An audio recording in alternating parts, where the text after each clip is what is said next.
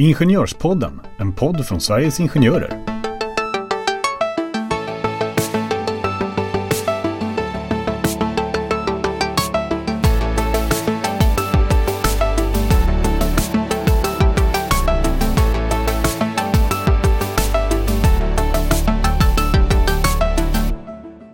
Hur mycket ersättning kan man få för en uppfinning? Och vad är skillnaden mellan en A, en B och en C-uppfinning? Och hur gör man för att kräva den här ersättningen? Det kommer vi prata om i dagens avsnitt av Ingenjörspodden. Nu kör vi!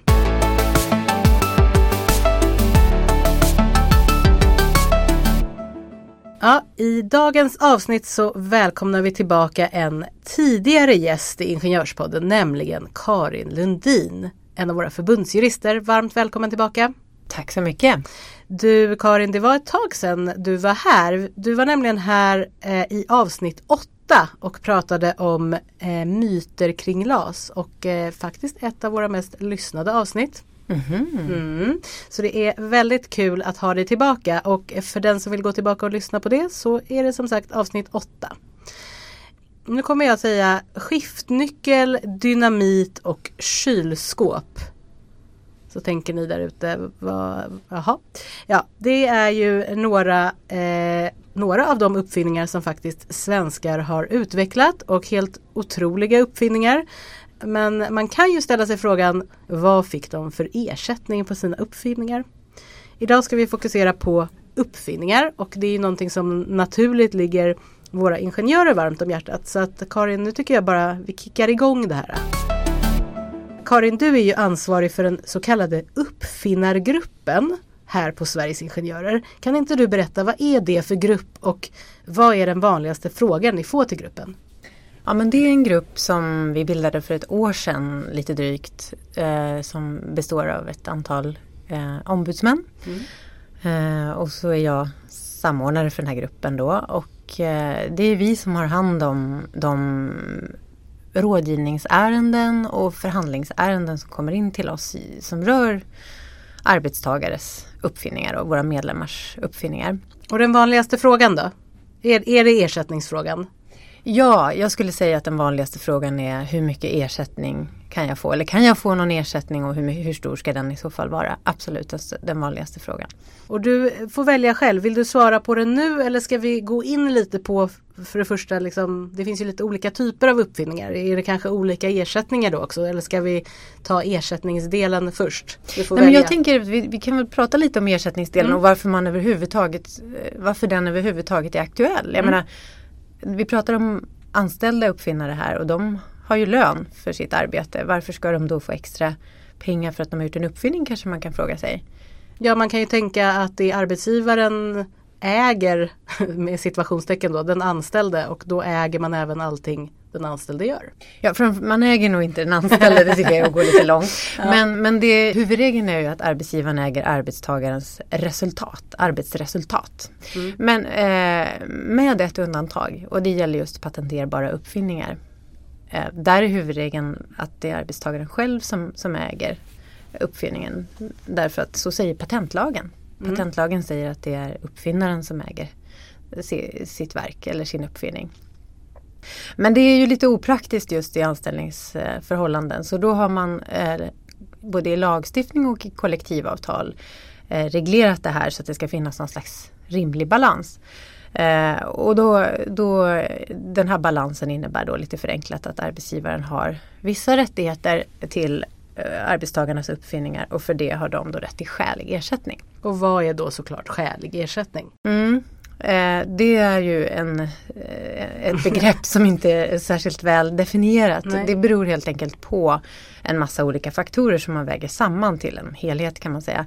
Det beror på, eh, lite förenklat kan man kanske säga att det beror på hur pass förväntad den här uppfinningen var i förhållande till hur mycket den är värd. Alltså hade arbetsgivaren anledning att räkna med det här eller, eller var det här någonting som gick utöver? Ja då ska man ha en, en högre ersättning helt enkelt. Och kan man säga något snitt, alltså på ett ungefär, ja men det ligger på 50 000 kronor, 100 000 kronor, alltså har du någon sån här lite så att man Nej, vet men det vad finns det rör sig om? Eh, I vårt eh, kollektivavtal om uppfinningar som finns som gäller då inom hela den privata sektorn för tjänstemän eh, så finns det ju schablonersättningar. Där ligger ju ersättningen från ett halvt prisbasbelopp till ett prisbasbelopp för normal, i normalfallet då som en grundläggande ersättning. Sen om, ersätt, om uppfinningen är, är värd eh, mer än vad arbetsgivaren hade fog att förvänta sig från den här arbetstagaren så ska man få mer ersättning och där kan det variera allt ifrån 10 000 kronor upp till 10 miljoner och kanske ännu mer. Mm. Mm. Nej, så då är skälig ersättning är man får helt enkelt se till omständigheterna i vanlig ordning. Mm. Mm. Om vi hoppar vidare till Det finns ju olika typer av uppfinningar.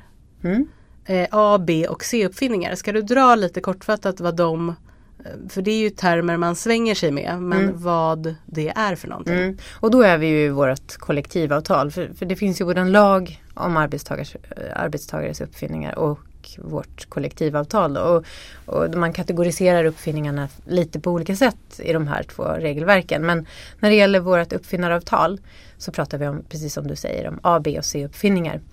Eh, A-uppfinningar det är uppfinningar som ligger liksom inom arbetstagarens ordinarie arbetsuppgifter eller uppdrag att, att göra. Eh, B-uppfinningar är sånt som man inte eh, var förväntad eller ålagd att göra men som ändå ligger inom arbetsgivarens verksamhetsområde. Och C-uppfinningar det är sånt som ligger helt utanför arbetsgivarens verksamhetsområde. Och de äger arbetstagaren själv.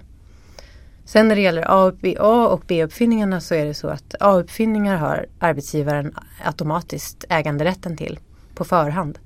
Eh, Medan B-uppfinningar har arbetsgivaren en rätt att ta över om, om man så begär inom en viss tid som då är åtta månader. Mm. Men nu nämnde du privat sektor nämnde du ju det här uppfinnaravtalet. Mm. Men på offentlig sektor är det inte, finns det något avtal där också? Eller? nej, där finns det inget avtal utan där gäller den här lagen Mm. eh, Bara så är att vi från vet. 40-talet faktiskt Ja. om arbetstagares uppfinningar. Mm. Mm. 49 tror jag. Hur lirar de här då? För det, du har ju pratat med mig, vi har ju gått igenom lite innan den här podden och pratat om de här två parallella regelverken. Mm. Hur lirar de med varandra och varför är det olika? Det blir väldigt svårt att hänga med om, om det heter en sak i ena avtalet och så heter det något annat i lagen. Mm, precis, det är ju lite komplicerat men de är ju någorlunda lika eh, och, och lagen är det vi kallar för dispositiv. Eh, det vill säga man kan, man kan avtala bort de flesta reglerna i, i lagen genom till exempel ett kollektivavtal. Men en regel är tvingande och det är faktiskt just den här regeln om skälig ersättning. Den kan man inte ens ersätta genom ett kollektivavtal. Så, så skälig ersättning det är liksom samma regel både i lagen och i kollektivavtalet. Eh, och sen, sen är det så då att när det gäller själva äganderätten till uppfinningar så, så kan man disponera över den när man är i lagen. Så, så, alltså när man jobbar hos en arbetsgivare som inte har kollektivavtal eller som är på det offentliga området. Då har man lite större möjligheter att liksom avtala bort sina uppfinningar på förhand än vad man har när man är på uppfinnaravtalets område. För där finns det ju särskilt reglerat hur det här ska gå till och vilken rätt arbetsgivaren har. Och då kan man inte i ett anställningsavtal till exempel skriva någonting annat. Skriva att även sådana här B-uppfinningar att alla uppfinningar som arbetstagaren gör automatiskt tillhör arbetsgivaren. Det är faktiskt i strid med kollektivavtalet och inte giltigt. Utan det är bara A-uppfinningar som ska behandlas på det sättet då. Så där är ju en skillnad. Just det. Eh, lagen och avtalet det gäller ju om man är anställd men vi får ju mycket frågor Eh, vad händer om man är student och har ett examensarbete till exempel. Mm. Och då vet jag att ja, du har drivit en, en hel del ärenden men ett stort ärende har du drivit om just det här. Kan inte du berätta lite om det ärendet? Ja, det är lite speciellt då när man är en student eh, och gör ett exjobb ute på ett företag då eh, som kanske i och för sig omfattas av det här uppfinnaravtalet så, så är man själv inte som student arbetstagare normalt sett. Mm. Och då omfattas man inte av de här reglerna i uppfinnaravtalet. Och, och då kan det ju vara så att man har skrivit ett avtal om exjobbet eh, på förhand där man reglerar vem som ska äga uppfinningar och sånt där. Eh, men har man inte gjort det eh, så är det ju, då gäller ju den här huvudregeln i patentlagen att det är studenten som äger uppfinningar som man gör under sitt exjobb. Och det hände då för ett antal år sedan med två stycken teknologer från Chalmers som gjorde ett exjobb på Volvo Cars. Och de var medlemmar hos, hos oss i Sveriges Ingenjörer. Um, och den här uppfinningen då det var ett uh, trötthetsvarningssystem kallas det för. Alltså som man sätter i personbilar. Uh, det fanns inte på den tiden. Det här är ju, nu är det nog säkert 15 år sedan skulle mm. jag tro som det här hände. Och då höll man på, många fordonstillverkare satt och, och funderade på hur man skulle detektera, alltså upptäcka trötthet hos bilförare för det är ett stort problem när det gäller säkerhet på våra vägar. Och de här två studenterna lyckades då ta fram eh, en metod att detektera trötthet som Volvo patentsökte så småningom. Och det här blev väldigt framgångsrikt. Den, den här uppfinningen kallas för Driver Alert Control och den sitter i alla, alla Volvos bilar och de licensierade också ut den här till andra fordonstillverkare mm. så det blev väldigt stor ekonomisk vinst för Volvo Cars på det här. Och de vände sig så småningom till oss för att få råd och stöd när det gällde att få ersättning för det här. För de hade ju bara fått en väldigt låg schablonmässig ersättning då, då motsvarande den som Volvos anställda får.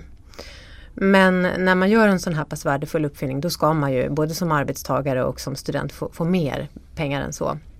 Um, så då eftersom vi inte lyckades få till någon uppgörelse i förhandlingarna då så fick vi gå till domstol och stämma eh, Volvo. Och eh, om jag kommer ihåg rätt nu så tror jag att vi begärde 8,7 miljoner kronor var till de här studenterna.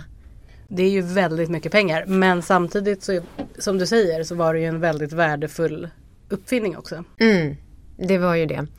Eh, och vi beräknade det här då utifrån eh, den vinst man hittills hade gjort och prognostiserad vinst patenttiden ut. Och så räknade vi även in då licensintäkter som man fick på det här eh, från andra fordonstillverkare som använder det här systemet i sina fordon. Då. Och då var ändå 8 miljoner var ganska liten del av mm. det totala så att säga. Det var en väldigt liten del. Mm. Mm. Och vad fick de då? Det kan jag inte berätta. För det blev så småningom en förlikning. Mm. Eh, vi vann kan man säga en, en deldom, en, en mellandom i det här målet i tingsrätten. Eh, som gällde just frågan om, om uppfinnaravtalet skulle tillämpas på den här situationen eller inte. Och det menade ju vi att det inte skulle eftersom de inte var arbetstagare när uppfinningen gjordes. Och där vann vi då. Mm. Där fick vi rätt. Sen skulle processen fortsätta och, och då skulle ju fokus då ligga på hur mycket ersättning de skulle få. Men där nådde då vi en förlikning med, med Volvo Cars. För sedermera så jobbade, blev de anställda på Volvo och fortsatte jobba där mm. under tiden den här processen drevs. Mm. Mm. Precis, de fick jobb direkt efter mm. exjobbet och jag tror att de jobbar kvar där än idag. Ja, det, som sagt eh, ersättningen kan man ju eh, tycka vad man vill om då såklart som arbetsgivare och om man är berättigad eller inte. Men jag tänker att vi kanske kan gå in lite mer på processen för nu nämnde vi ju domstol eh, direkt eh, för att det var ett case där du har drivit. Men vad är processen om man som medlem tycker att ja, nu har jag den här uppfinningen och jag får inte ersättning för den. Hur ska man eh, liksom tänka, hur ska man gå vidare? För man springer inte till domstol det första man gör kanske. Nej. Nej men till att börja med tänkte jag på det du sa att arbetsgivarna kan tycka vad de vill mm. om det här och då tänker jag, jag alla får ju tycka mm. vad de vill men mm. jag väljer väl, jag, jag skulle önska att mm. arbetsgivarna såg på den här uppfinnarersättningen som en bonus. Mm. Det är vanligt med bonussystem på företag mm, inom, när det gäller säljroller till exempel. Och på motsvarande sätt så kan jag tycka att det är rimligt att se det här som en bonus som man, man ger till duktiga uppfinnare som genererar vinster för företaget. Så, så det, det bör inte vara så kontroversiellt. Problemet är ju att de, de här ersättningarna är så svåra att bestämma i, i mm. kronor och ören. Så min rekommendation är att man tar fram policies på företagen kring hur det här ska gå till. Mm. Men åter till din fråga då, um, hur man gör. Ja, men till att börja med så måste man göra en uppfinningsanmälan om man kommer på någonting som skulle kunna sök patentsökas. Då. Och det hoppas och tror jag att de flesta företag har system för hur man ska gå tillväga med det här då. Eh, normalt sett gör man det här digitalt idag. Och då är det ju viktigt att man sparar den här uppfinningsanmälan så att man i efterhand om det skulle bli en tvist kring upp, uppfinnarersättning kan bevisa att det var, det var faktiskt jag som, som gjorde den här uppfinningen. För det händer faktiskt att det blir tvist kring, kring det i Mm. efterhand. Var det verkligen du? När man sen kommer och begär ersättning. Och i den där uppfinningsanmälan så är det bra att man också anger om man tycker att det är en A eller B-uppfinning. För det har ju då betydelse för arbetsgivarens eh, rättigheter till den här uppfinningen. Eh, För det är nämligen så att det finns en regel i uppfinnaravtalet som säger att om arbetstagaren skriver att man tycker att det här är en B-uppfinning, alltså någonting som jag inte hade i uppgift att göra men, men som faller inom arbetsgivarens verksamhetsområde och som jag därför anmäler till arbetsgivaren. Då har man ju Eh, om inte arbetsgivaren agerar på det här och protesterar inom fyra månader och säger nej men det här var ju en A-uppfinning, det här var ju liksom inom din, upp, det var ju din uppgift att göra. Mm. Så, så blir det automatiskt en B-uppfinning. Och blir det det så måste arbetsgivaren inom fyra månader därefter begära att få ta över den här eh, uppfinningen. Missar man det, och det händer ibland, då, då är det faktiskt så att då äger arbetstagaren den här uppfinningen. Mhm, Och då kan man få full ersättning för? Eller då får, Ja, får man ju då göra vad man vill egen- men då kan man Ja. ju sälja den till en eh, Mm. konkurrent. Mm. Problemet där är ju att man har en lojalitetsplikt i sin anställning så det, det kan Mm. bli klurigt ehm, utifrån den aspekten. Men, men uppfinningen äger man. Men vi brukar ju säga för att, eh, men om man går vidare, eh, nu hoppar jag liksom fram i min tanke, men okej, men processen, vad är processen? För det var det vi, där Mm. Ja, vi men började då säger, man ska ju tala om kategorin där då. Precis. Och hålla lite koll på att arbetsgivaren liksom inom fyra månader eh, hör av sig och talar om om man håller med om vilken kategori det är och, och är det då en B-uppfinning så ska man bevaka den här åtta månaders fristen. Men om man, ehm, om man nu säger att arbetsgivaren inte tycker att det här är en uppfinning som eh, man är beredd att ge någon ersättning för och så hör medlemmen av sig nu i det här fallet till Sveriges Ingenjörer. Vad Mm. är våran ordning, eh, förhandlingsordning, process, Mm. ja, kalla det vad du vill. Precis. Ehm, då är ordningen den att vi måste påkalla en lokal tvisteförhandling om det här där vi begär ersättning då. Man får försöka precisera ett yrkande, alltså ett krav. Mm. Och lyckas man inte då enas i, i den lokala förhandlingen så går det vidare till central nivå. Eh, central förhandling. Enas man heller inte där så går man till en särskild skiljenämnd för eh, uppfinningar då som är sammansatt av parterna. Em, och det är den som gör, avgör de här frågorna då. Mm. Och varför då, bara pedagogiskt nu för att vi ska förstå, varför gick du då inte till skiljenämnd i Volvo Cars? Då, för Mm. då gick du till Ja, det var ju helt enkelt för att uppfinnare, vi ansåg ju inte att uppfinnaravtalet överhuvudtaget var tillämpligt och då ska man inte gå med tvisten till den här nämnden heller. Mm. Ja, okej. Så att det är själva processen helt enkelt. Mm. Men ehm, om man hoppar då till, för nu, det, det du pratar om då tänker jag direkt sådär, men vad ska man tänka på? Om man Mm. börjar med, för dels så finns det lite saker man kan tänka på som medlem och dels lite saker som man kan tänka på när man är förtroendevald och ska ge råd. Men om vi börjar med eh, medlem, vad är de viktigaste sakerna som man ska tänka på då? Ja men till att börja med så ska man ju tänka på när man skriver under sitt anställningsavtal att det då inte står där att arbetstagaren äger alla uppfinningar som du gör i tjänsten. Mm. För så är det faktiskt inte enligt varken lagen eller uppfinnaravtalet. Det andra man ska tänka, och sen ska man också tänka på, ska jag säga, att, att, det, att det ska stå då, när man reglerar det här med uppfinningar i sitt anställningsavtal så ska man ju säkerställa att det står att man har rätt till skälig ersättning då. Nu är det för all del en tvingande regel, det har man rätt till alldeles oavsett men det är bra om det ändå klargörs där så att det inte råder något tvivel om det. Um, nej men sen ska man ju som jag säger då se till att dokumentera sin uppfinningsanmälan och höra av sig till oss i tid när man vill ha ersättning. Huvudregeln är att man måste gå till den här skiljenämnden och påkalla ett skiljeförfarande inom tio år från att, man, från att företaget sökte patent Mm. på uppfinningen. Och det är ju lång Och, då, tid. och dessförinnan Mm. måste vi hinna ta det här i då lokal och central förhandling. Är det är va- lång tid Är det vanligt att man kommer när det har gått så pass lång tid? Många kommer efter Ja. ganska lång tid, kanske sådär åtta år Mm. och det är klokt. För att det är ju också så att det bästa är ju om uppfinningen, om det har beslutats, alltså meddelats patent Mm. på uppfinningen. För annars riskerar man att hamna i en tvist där en av frågorna rör om det här verkligen är en patenterbar uppfinning. För det är nämligen bara för sådana som är patenterbara som man kan få ersättning. Och då menar inte jag patenterbar i, i Kina utan det, det ska vara patenterbart i Sverige eller sån här Europapatent, alltså Mm. e- europeiskt patent från EPO som de heter, då, Europeiska patentorganet. Då ska vi sticka in när du ändå nämner patent att vi faktiskt har här på Sveriges Ingenjörer en ny förmån som är just patentrådgivning. Mm. Eh, där våra medlemmar får två timmar va, kostnadsfri rådgivning Mm. när det gäller patentfrågor. Mm. Så då kan man ju pröva om man, om man kan få patent eller inte. Ja, och den, den förmånen vänder sig ju eh, till eh, ja, men främst medlemmar som är egenföretagare och så som tar fram uppfinningar i egen regi.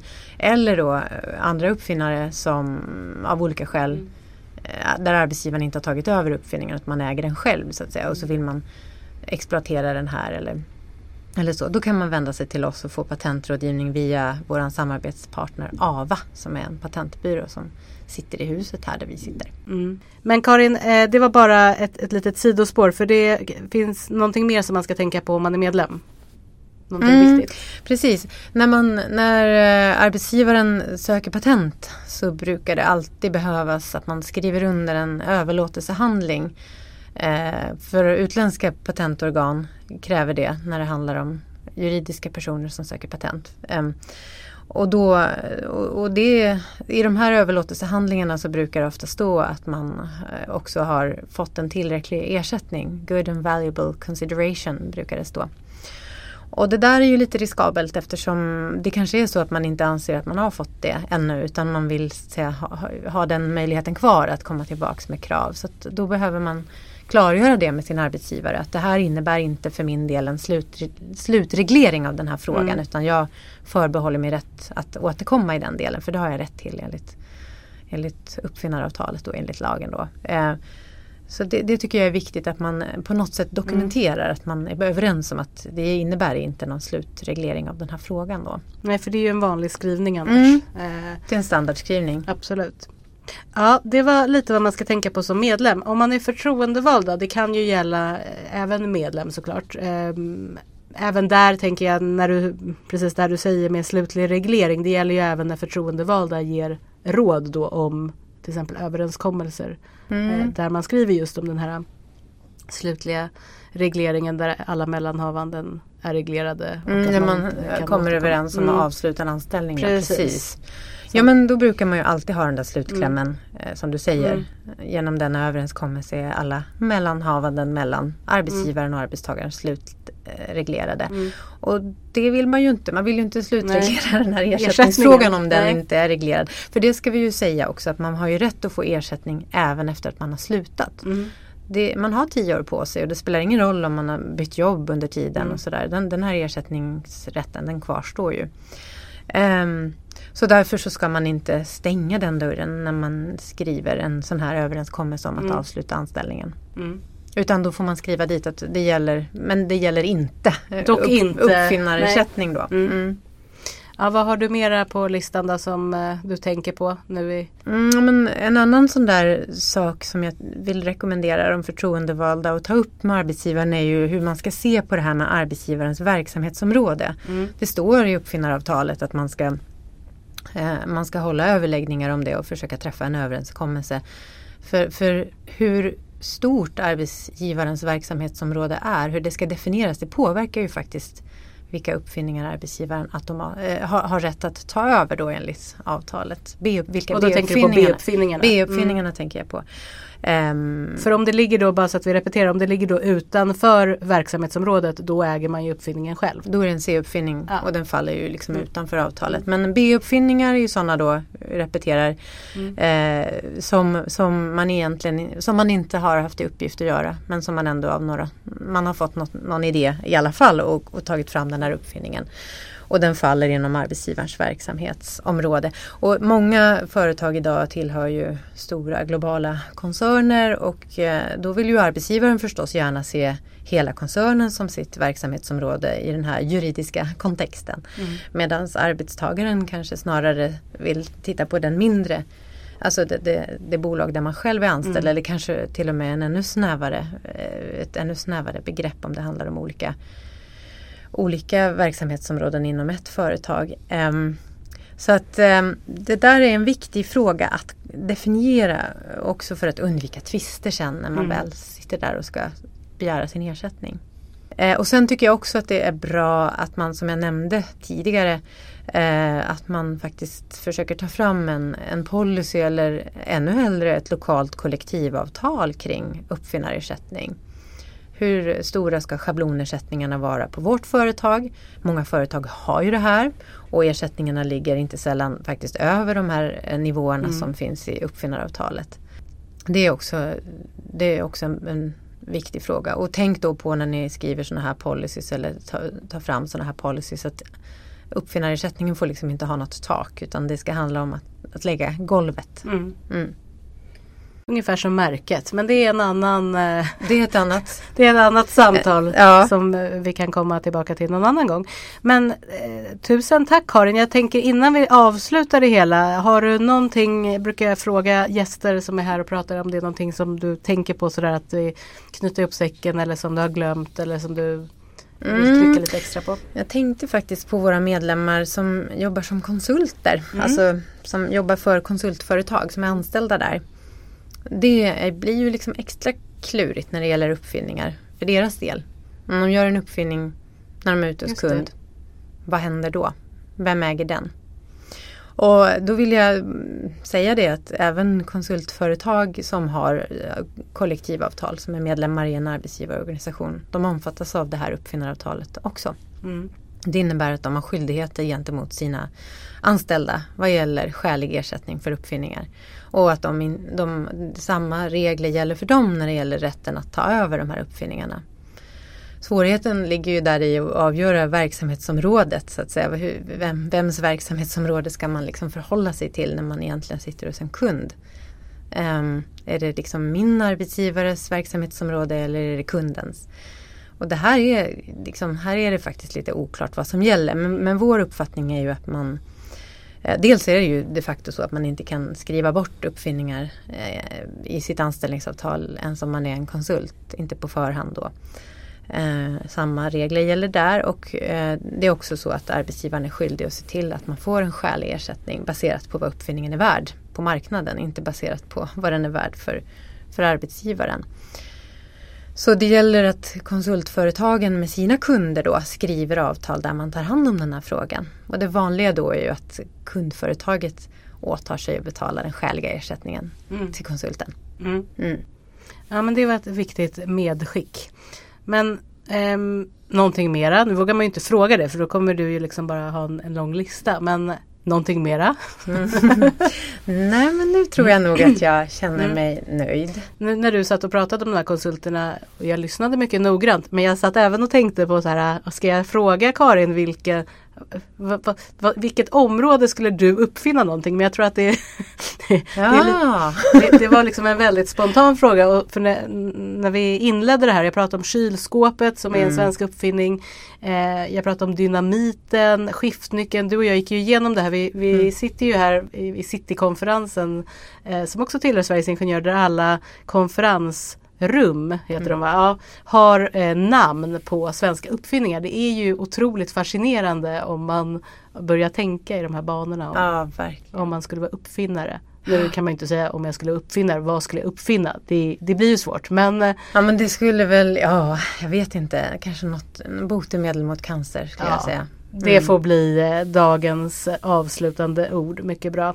Eh, tusen tack Karin. Vi kommer säkert höras igen och eh, om ni har några frågor om patent eller eh, uppfinningar så kan ni ju skicka in dem till Karins privata mejl. Nej jag skojar bara. Mm. Så kan, kan ni skicka in dem till eh, Ja, ni kan skicka dem till forhandling.